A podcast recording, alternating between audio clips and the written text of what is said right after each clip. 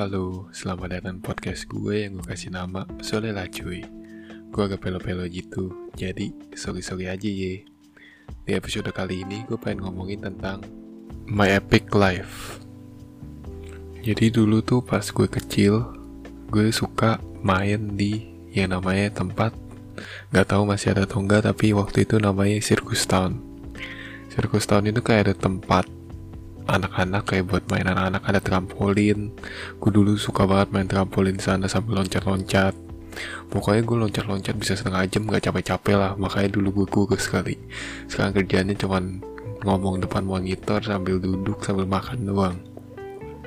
Nah di sana juga kayak ada suatu rintangan kayak lu tau lah tempat mainan anak kecil yang manjat-manjat, perosotan, flying fox gitu-gitu. Nah dulu tuh setiap kali gue ke Serpong dan setiap kali keluarga gue nginep di rumah gue ada di Serpong, kita tuh selalu ke sirkus tahun kayak itu tuh kudu wajib gue setiap minggu harus ke sana. Karena ya gue suka aja gitu. Tapi makin ke sini makin ke sini, gue kayak males-malesan kayak buat apa gitu main-main panjat-panjatan perosotan gelantungan gitu kayak monyet kayak bener-bener anak kecil kenapa suka banget sih main begituan dulu pas kecil juga gue suka berlaga kayak diri gue itu lagi dalam video game. Jadi kayak ada sesuatu yang yang kontrol gue. Dan sebagai anak kecil yang dulu main game kan gue suka kayak main game cuma buat jalan-jalan doang. Loncat-loncat gak jelas. Jadi gue di rumah orang pas waktu itu lagi Sinja kalau nggak salah. Gue loncat-loncat di rumah orang yang gue gak kenal.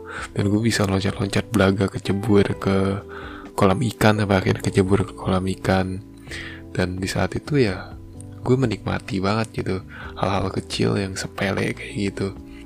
Gue pas SD kan dikasih uang jajan kayak per minggu 2000 karena gue bawain bekal juga kan. Dan setiap hari tuh gue kan makan bareng teman-teman gue kayak kumpul gitulah bagi-bagi. Nah ada satu teman gue yang bener-bener gak pernah bawa makanan kayak gak pernah bawa makanan dari rumah. Dan dia kayak hampir setiap minggu beli Indomie. Yang harganya 7000 atau 10000 gue lupa. Dan waktu itu gue bener-bener pengen Indomie itu. Sampai akhir gue nabung sebulan atau ya sebulan cuma buat beli Indomie. Dan hal-hal se sepele sekecil itu tuh bisa bikin gue seneng banget. Tapi makin lama semakin gue bertumbuh dewasa semakin banyak tuntutan dari dunia ini yang kayak lo harus ngelakuin sesuatu dulu untuk jadi bahagia. Kayak setiap kali gue ketemu keluarga besar gue gue pasti tanya udah punya pacar belum? Atau nilainya berapa? Bagus gak? Ranking berapa? Ditanya juga kayak pandemi ini ngapain aja? Terus bangga banggain anaknya kan. Kayak anak tante udah punya duit dari jualan dia sendiri udah jualan jualan cookies. Kayak begitu begitu menurut gue kayak gue harus ngelakuin sesuatu untuk ngebuat orang lain bahagia dan gue juga bisa jadi ikutan bahagia gitu. Gue nggak bisa lagi kayak anak kecil yang bahagia ya karena dirinya sendiri merasa bahagia bukan karena orang lain. Kayak misalnya dulu gue jalan-jalan ke mall atau manjat-manjatan gak jelas jatuh main sama teman sepeda ketawa-ketawa itu maksud gue gue bahagia saat itu tapi pas pulang ke rumah dan ke realita lagi akhirnya gue sadarkan dengan hal-hal yang harusnya ngebuat gue bahagia. Bermalas-malasan itu katanya jelek. Ngebahan siapa itu jelek. Ya memang jelek tapi kadang kita juga perlu untuk ngelakuin itu. Gue berdoa gue perlu istirahat akhirnya kasih nih pandemi setahun. Memang lucu ya kadang-kadang. Semakin kita bertumbuh dewasa itu kadang kita lupa untuk enjoy the little things kayak dulu gue selalu berpikir buat apa? Kayak gue nemenin adik gue kata yang masih kecil kayak umur 3 tahun 5 tahun kayak naik-naik panjat-panjatan atau main prosotan atau main trampolin. Gue kayak buat apa mendingan gue nge-scroll tiktok 2 jam berturut-turut ngeliatin orang goyang-goyang gak jelas gitu? Dan sekarang gue udah pikir lagi mungkin anak kecil ini mau ngajarin hal yang gue udah lupain gitu yang dulu gue kuasain dia mau nyuruh gue untuk enjoy the little things. Kayak keren banget gak sih gimana anak kecil bisa bahagia banget ketika dia nembak main tembak-tembakan doang gitu main nerf gun. Dia merasa lagi perang dunia kedua. Atau dia lagi manjat manjat ya nggak tahu lah manjat-manjatan gitu. Atau dia merasa dia lagi manjat gunung Everest. Atau dia lihat kayak ada genangan air di jalan. Tuh dia merasa kayak dia baru aja nyiptain tsunami untuk semut-semut. Kayak semuanya itu ada di otak kita gimana kita ngeliat sesuatu. Waktu itu gue pernah baca atau pernah dengar seseorang ngomong kalau misalnya dunia ini nggak ada yang nyata kecuali apa yang ada di otak kita. Kayak pas kecil kita percaya kalau misalnya Santa Claus itu ada. Dan pas sudah gede kita tuh percaya untuk ngebuat anak kecil percaya akan ada Santa Claus kayak semua halnya semua hal yang ada di dunia ini tuh cuman ada di otak kita. Apa yang kita pikirkan saat ini gimana cara kita pandang dunia ini. Karena pandangan itu juga ada orang yang cap gila. Karena ide-ide yang menurut dia jenius tapi menurut pemikiran orang lain itu gila. Dan gue gak pengen kayak jadi orang biasa yang cuman kerja di kantoran yang harus melakukan sesuatu atau mencapai target sesuatu untuk merasa bahagia dan berhasil dalam kehidupan ini. Gue bukannya bilang kalau misalnya gak punya mimpi itu bagus ya, punya mimpi itu bagus, tapi ada hal buruknya juga. Kayak kalau misalnya kita udah ngejar mimpi kita akan mau lebih mau lebih mau lebih. Sampai akhirnya kita lupa untuk enjoy the little things kayak hal-hal kecil bangun pagi bangun di pagi hari dan keluarga kita masih utuh semuanya sehat. Pandemi ini sebenarnya membuat kayak menampar gue keras sneak pipi gue untuk enjoy the little things.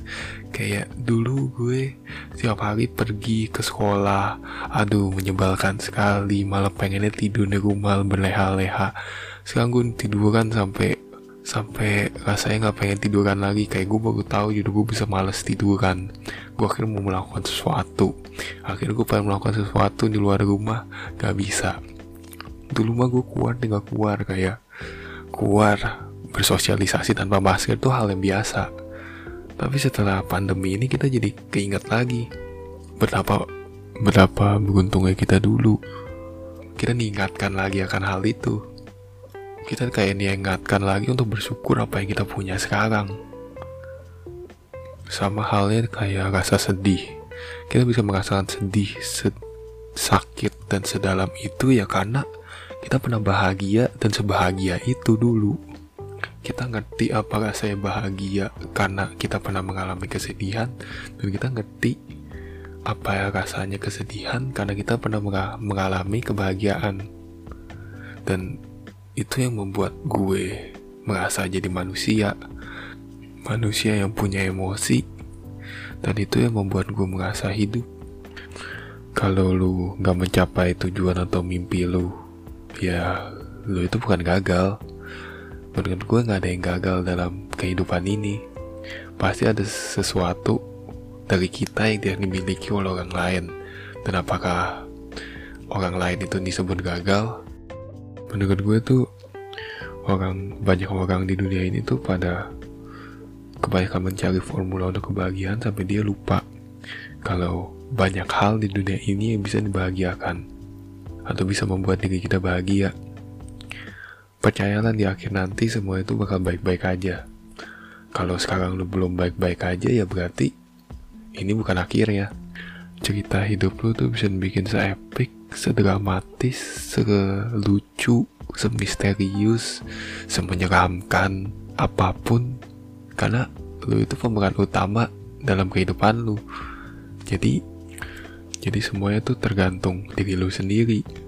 Lu akan merasa atau lu akan bahagia ketika lu sudah mencapai tujuan duniawi lu.